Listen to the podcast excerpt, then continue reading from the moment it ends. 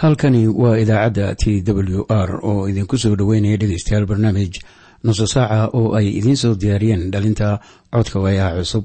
Waxaana barnaamijkan laga maqlaa saacaddu marka ay tahay lixda iyo shan iyo labaatanka fiidnimo ilaa iyo toddobada oo shanla mawjadan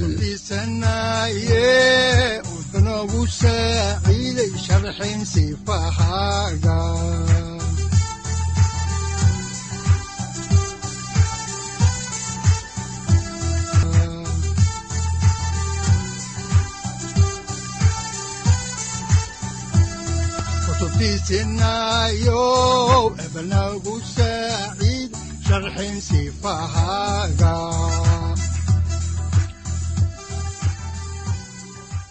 ku soo dhawaada dhegeystayaal barnaamijkeena dhammaantiinba waxaana aan horay idinku sii ambaqaadayaa daraasaadkii la magac baxay baibalka dhammaantii. Kuwaasoo aynu ku eegayno dhammaan waxa ku qoran kitaabka quduuska ah ee ilaah waxaannu horay idinku sii wadi doonnaa kitaabka bilowgii oo ah kitaabkii koowaad ee uu qoray addoonkii rabbiga ee muuse ahaa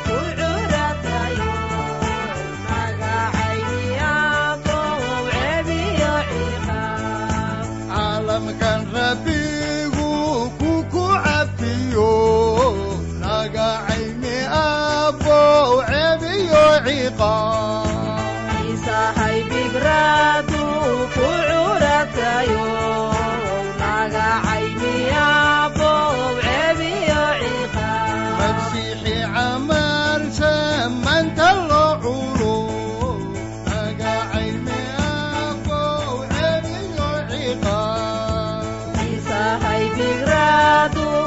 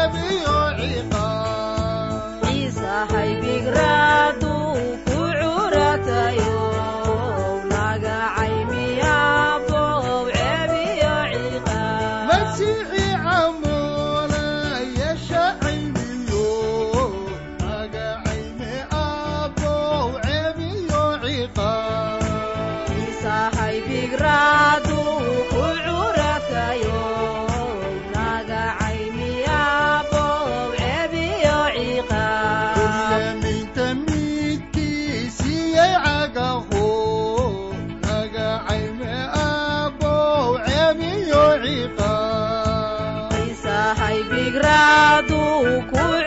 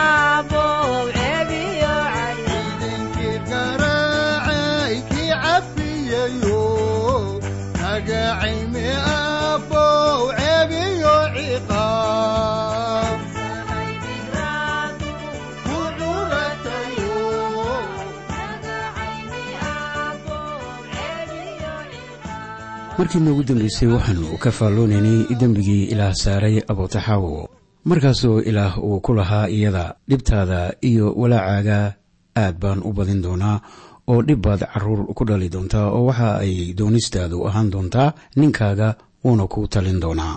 Taasina waa rasmi. Haddaan horay idinku sii wadno haddaba daraasaadkeenna maanta aynu meeriska maanta idiinka bilowno haddaba kitaabka bilowgii cutubka saddexaad aayadaha toddobiyo toban ilaa sagaaliyo toban. Waxaana qorniinku uu leeyahay sida tan. Aadanna wuxuu ku yidhi coodkii naagtaadaad maqashay oo waxa aad wax ka cuntay geedkii aan kugu amray anigoo leh waa inaadan waxba ka cunin.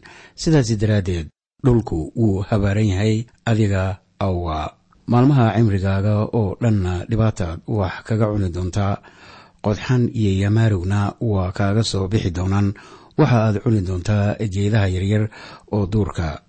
Wejigaagu dhididsan baad wax cuni doontaa ilaa aad dhulka ku noqotid maxaa yeelay dhulka laga qaaday waayo ciid baa tahay ciid baadna ku noqon doontaa taasi haddaba waa xukunka la saaray ninka. Dhimasho waa wax qof waliba sugaysa.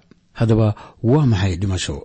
Dhimashada jirku waxa weeyaan kala dhaqaaqidda shakhsiga ruuxiisa iyo naftiisuba ay kala tegayaan ama ka tegayaan jirkiisa. Isla sida wacdiyuhuba inoo sheegayo markaasoo uu lahaa sida ku qoran kitaabka wacdiyaha cutubka labayo tobanaad aayadda toddobaad. Iyo intaan ciidda dhulka ku noqon siday horeba ahayd oo ruuxuna ku noqon ilaahii horeba siiyey. Qofku waa in uu ilaah jawaab siiyo. Ha ahaado mid ilaah rumaystay iyo mid aan ilaah rumaysane waa in jawaab laga helo. Laakiin aadan isla markii uu cunay geedka ma dhiman. Dhimashadiisiina ma imanin ilaa uu gaaray sagaal boqol oo sannadood. Ujeeddada oo koobanna waxa weeye in aadan xagga ruuxa uu ka dhintay ilaa markii uu ilaah amarkiisa ku caasiyey waxaana laga dhaqaajiyey ilaah. Dhimashadu waa kala dhaqaaqis. Markii bawlos reer efesos uu u qorayey inay xadgudubyadooda iyo dembiyadooda ku dhintaan ulama jeedin in ay xagga jirka ka dhinteen laakiin waxa uu ula jeeday in ay xagga ruuxa ka dhinteen oo ilaah kala dhaqaaqeen. Haddaba masaalka ciise masiix ee ku saabsan wiilkii wixiisii khasaariyey ayaa sayidku inoogu sheegay wiil ka cararay aabbihiis markii uu soo laabtay ayaa aabbuhu waxa uu yidhi sida ku qoran injiilka sida luuka usu qoray cutubka shan iyo tobnaad aayadda afariyo labaatanaad waxaana qorriinku uu leeyahay waayo wiilkaygan wuu dhintay wuuna soo noolaaday wuu lumay waana la helay waxa uu yidhi wuu dhintay. Bilxaqiiqa wuu dhintay waana la helay. Maahan in uu caadi u dhintay laakiin aabbihiis ayaa la kala fogeeyey. Taasina dhimasho ayay ka macno tahay. Marba haddaayan is arkaynin haddaba sayid ciise masiix oo la hadlayaa martha oo ah maryam walaasheed ayaa yidhi anigu waxaan ahay sare kiciddiiyo nolosha. Kii rumaystaa inkastoo uu dhinto haddana wuu noolaan doonaa. Sida ku qoran injiilka sida yoxana uu qoray cutubka koob iyo tobnaad aayadda shan iyo labaatanaad. Haddaba dhimasho waxaa ah tan ruuxa waana tan aad ilaah ka tagto. Aadanna waxa uu xagga ruuxa ka dhintay markii uu cunay midhaha geedka aqoonta wanaagga iyo xumaanta. Taasina waa sababtii uu ilaah uga cararayey waana sababtii uu caleemo berde isugu tashay haatanna aynu horay u gudagalno horudhaca maadada furashada. Haddaan dib ugu soo noqonno haddaba meeriska ayaa waxaa ku qoran kitaabka bilowgii cutubka saddexaad aayadda labaatanaad sida tan. Ninkuna waxa uu naagtiisii u bixiyey xaawa maxaa yeelay waxay ahayd hooyadii waxa nool oo dhan. Haddaba taasuu kama dhigna in qaabiil iyo habiil ay ku dhasheen beer ceedan laakiin waxaa la qeexay in ay dhasheen kadib markii xaawo iyo aadan ay ilaah ku dambaabeen. Weli waxaan horay idinku sii wadaynaa haddaba meeriska cutubka saddexaad. Waxaana aan idin akhrinayaa aayadda koob iyo labaatanaad waxaana qoran sida tan rabbiga ilaaha ahuna waxa uu aadan iyo naagtiisii u sameeyey dhar harag ah. Wuxuuna u xidhay iyagii. Haddaba si loogu helo dhar waxa ay ahayd in ilaah dilo xayawaan si iyaga dembigoodii loo daboolo. Waxaana aan rumaysanahay in tani ay tahay bilowga allabaryada iyo in ilaah u caddeeyey dadka arrinka isaga ah ee ah in dadku u baahan yihiin in dembiyadooda wax loo bixiyo ilaa waxa uu diiday caleemihii geedka bardaha oo ay isku tasheen waxaase uu keenay dhar harag laga sameeyey oo markii aadan iyo xawo ay ka tageen beerceedan. Waxa ay gadaal u soo eegeen neef gowracan. Markii ay gadaal u eegeen waxay arkeen wixii ilaah muuse ku amray in uu ku firdhiyo kursiga naxariista ee yaalla quduuska quduusyada oo ah karubiimta baalasha fidsan ee fiidda la isaga dhejiyey oo hoos u eegaya dhiigga lagu daadiyey kursiga naxariista. Sidaas ayaana ay ahayd sida lagu gaaro ilaah. Waxaa jira haddaba afar cashar oo aynu ku arkayno geedka bardaha iyo in ilaah iyaga howiyey maqaar waa in qofku helaa haddaba wax uu isku dado si uu ilaah ku gaaro. Maahan inaad ilaah ugu timaado camallada wanaagsan. Waxa aad ugu imanaysaa sida aad tahay oo ah inaad dembiila tahay. Tan labaadna waxay tahay geedka bardaha ilaah wuu diiday. Waa wax macmal ah ilaah marnaba raalli ka noqon maayo inaan xiranno dhar macmal ah ilaah isaga ayaa keenaya daaha ama waxa la xiranayo tan afraadna waxa weeyaan.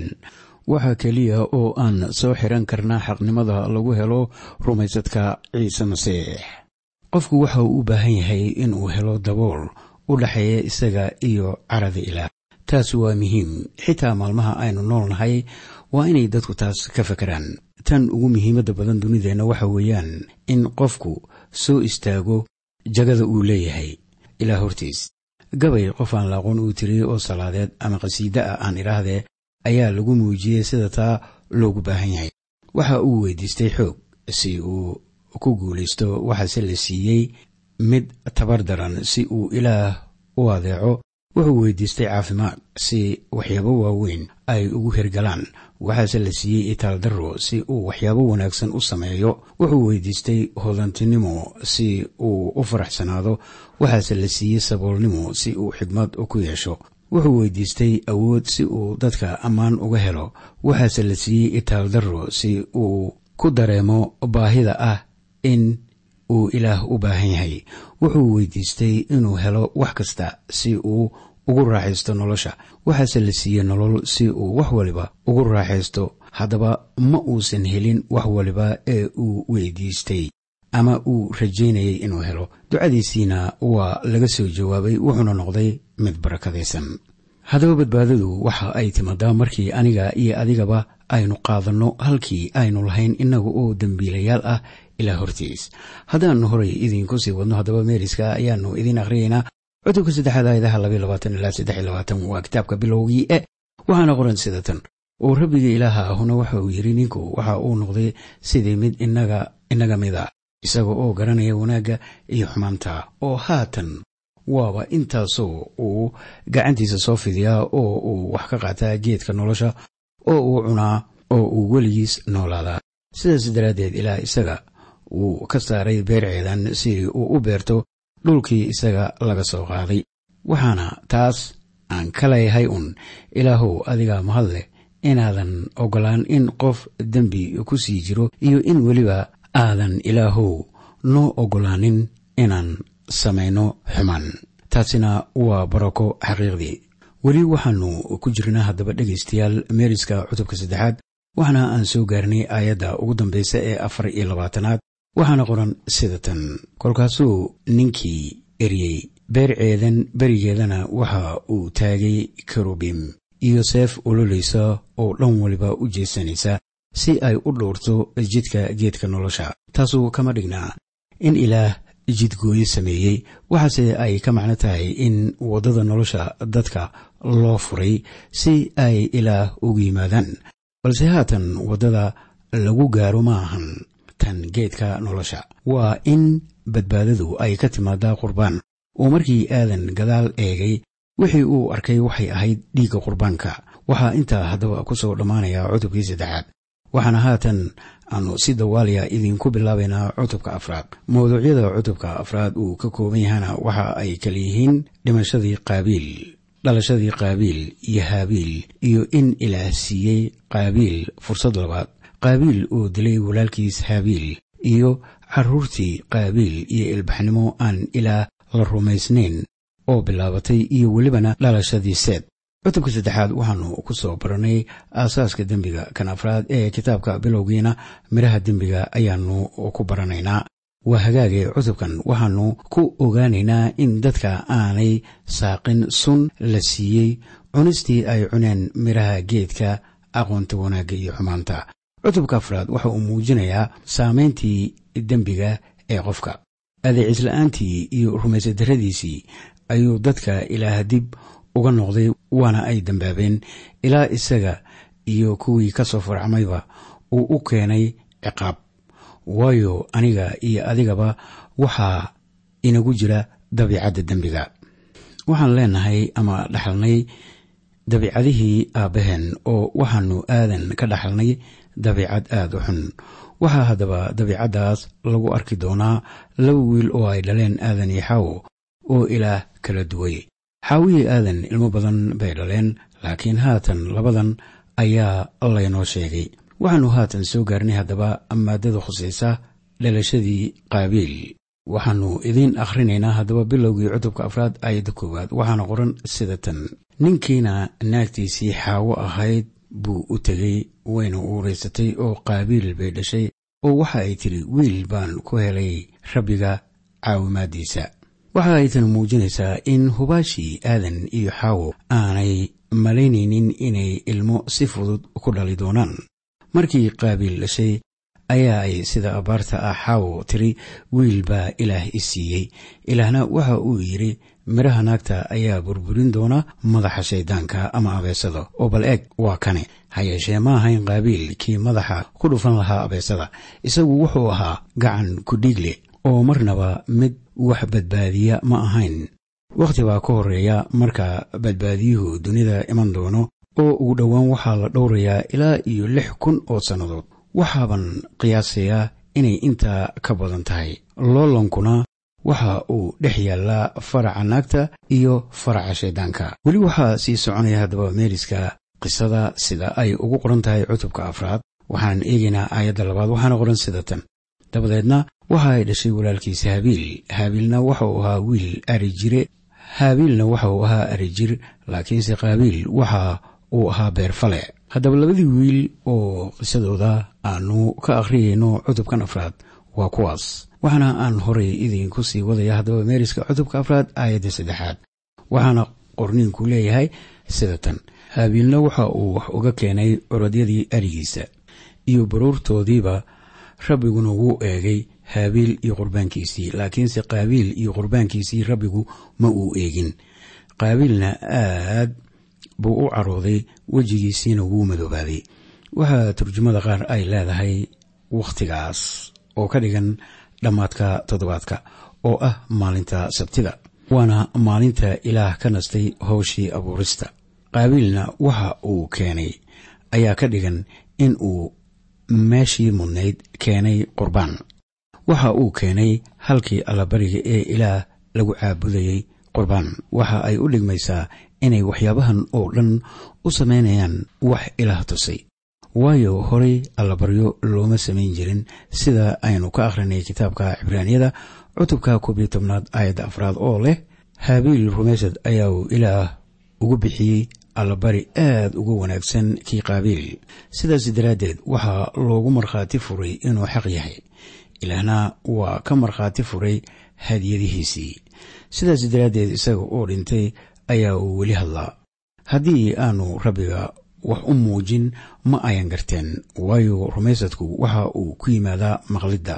Adiga oo aan waxba maqlin waxba iska rumaysanaysid balse wiilkii kale ee qaabiil ahaa ma keenin allabarigii ama qurbaan wanaagsan.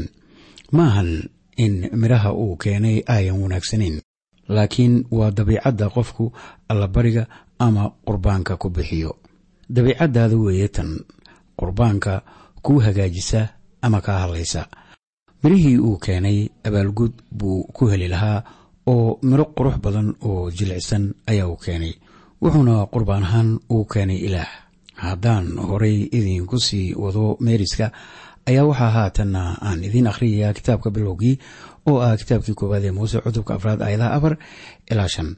Waxaana qoran sida tan haabiilna waxa uu wax uga keenay curadyadii arigiisa iyo baruurtoodiiba. Rabbiguna wuu eegay haabiil iyo qurbaankiisii laakiinse qaabiil iyo qurbaankiisii rabbigu ma uu eegin. Qaabiilna aad buu u carooday wejigiisiina wuu madoobaaday dadka qaar ayaa odhan kara wax khalad ahi igama muuqdaan waxa qaabiil uu keenay. Haddaba markii aanu jallecno warqaddii rasuul yudas ayaa leh oo waxa ay aadeen waddadii qaabiil haddaba waa maxay jidkii qaabiil markii qaabiil u keenay qurbaanka ilaah kuma iman rumaysad waxa uu ku yimid dariiq isagu uu leeyahay laakiin ma ahayn kii ilaah qurbaankii uu keenay qaabiil ayaa ka dhigaya sida in aadan iyo xaawo ayan dembaabin ilaa waxa uu yidhi waa inaad keentaan qurbaan dhiig leh oo tilmaamaya bixiyaha iman doona dunidan wax weliba oo aad bixinaysaanna waddadaas ha ku joogeen laakiin ha la imanina shuqulka gacmihiinna. Qurbaanka qaabiil waxaa kaloo uu ka hor imanayay in dadka iyo ilaah la kala dhaqaajiyey. Waxa uu wax u sameynayay sida inaanay dhibaatoba dhex oolin ilaah iyo dadka. Saaxiibayaal ogaada in wax waliba aanay hagaagsanayn maahan sida dadka furfuran ay ku hadaaqaan marka ay ka hadlayaan walaalnimada caamka ah ee dadka waa inaan mar kale dhalannaa haddii aynu doonayno inaan noqonno carruurta ilaah dadku waxa ay kala dhaqaaqeen ilaah. Qaabiilna waxa uu diiday inuu taa maanka geliyo oo waxaa jira dad badan oo taas diidan maanta. Tan saddexaadee loo aqbali waayey qurbaanka qaabiil waxa weeyaan in dadku aanay ahayn inay ilaah siiyaan shuqulka gacmahooda. Qaabiilna waxa uu dareemay inuu qurbaan uga keeno ilaah gacantiisa. Waxaa qorniinku uu leeyahay sida ku qoran warqaddii rasuul boolos u qoray titos cutubka saddexaad aayadaha afar ilaa shan sida tan laakiinse markii raxmaddii ilaaha badbaadiyaheenna ah iyo jacaylkii uu qabay muuqdeen ayuu ina badbaadiyey inaguma uu badbaadin shuqullada xaqnimada oo aynu samaynay laakiinse naxariistiisa aawadeed waxa uu inagu badbaadiyey nadiifinta dhalashada labaad iyo cusboonaysiinta ruuxa quduuska ah.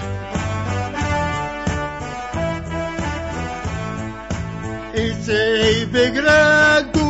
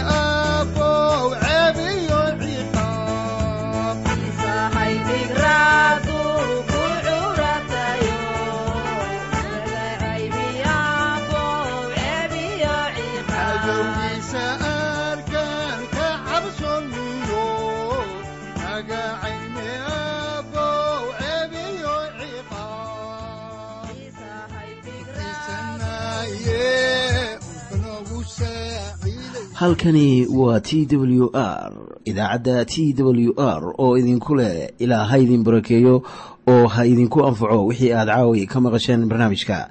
Waxaa barnaamijkan oo kalaa maqli doontaan habeen dambe hadahan oo kale haddiise aad doonaysaan in aad fikirkiina ka dhiibataan wixii aad caawi maqasheen ayaad nagala soo xiriiri kartaan som t w r at t w r c o k e dhegaystayaal haddii aad doonaysaan inaad mar kale dhegaysataan barnaamijka fadlan mar kale booqo www t t b o r g ama www t w r o r g halka sare waxaad ku arkaysaa markii aad gasho language ama luuqadda waxaana dooranaysaa soomaali haddii aad doonaysaan in aad dejisataan oo kaydsataan barnaamijka ama aad mar kale dhegaysataan fadlan mar kale booqo www t t b t w r o r g ama www t w r o r g haddii aad doonayso in laga kaalmeeyo dhinacyada fahamka kitaabka amase aad u baahan tahay duco fadlan fariimahaaga soo mari bogga aaraahda ama kommentska inana jawaab degdeg ah ayaanu ku soo diri doonaa amase ku siin doonaaye